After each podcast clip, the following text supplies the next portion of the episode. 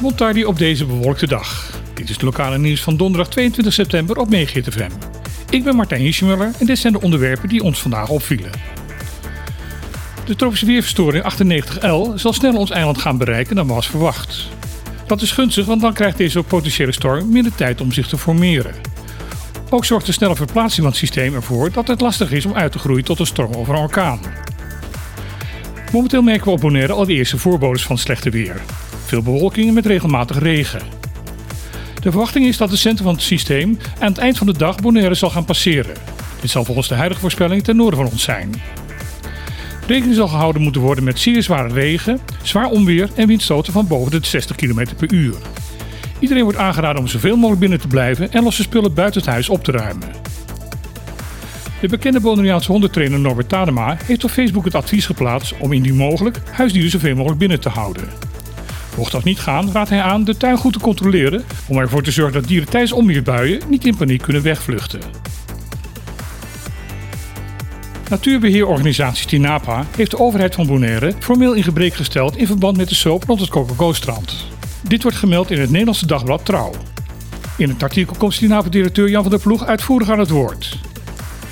TINAPA verwijt de overheid dat in zaken de hele kwestie rondom het kunstmatig aangelegde Chococo-strand nooit is gehandhaafd.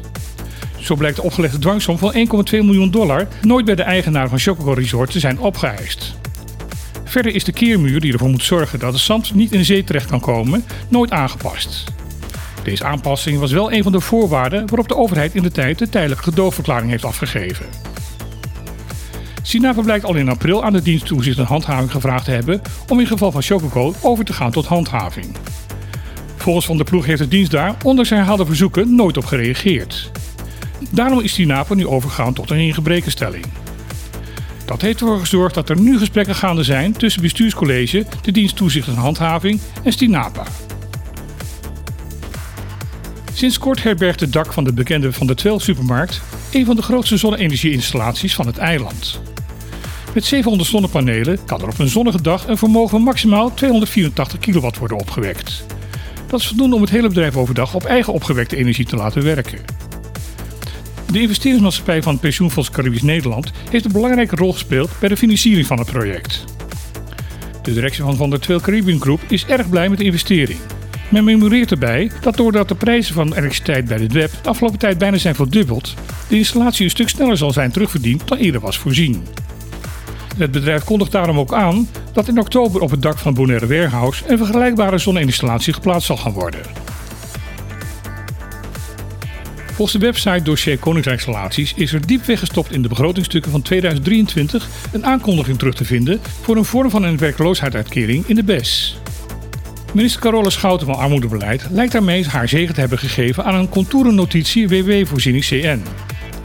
Daarmee zou een eind kunnen komen aan een strijd die al 12 jaar lang is gevoerd. Er is sinds het ontstaan van de openbaar lichaam in de BES onvrede geweest dat er in Caribisch Nederland geen bescherming is voor mensen die onvrijwillig werkloos zijn geworden. Dit in tegenstelling tot Europees Nederland, waar dit al vele decennia een vast recht is. Pas na heel veel aandringen in de Tweede Kamer en een motie van Joop van den Berg van het CDA ging de regering vorig jaar overstag. Dit heeft ertoe geleid dat het nu in de begrotingsvoorstellen van 2023 genoemd wordt. Hoe de WW op de BES eruit moet gaan zien en op welke termijn het ook echt gerealiseerd moet gaan worden, is nog niet bekend. Dit was het lokale nieuws van vandaag op FM.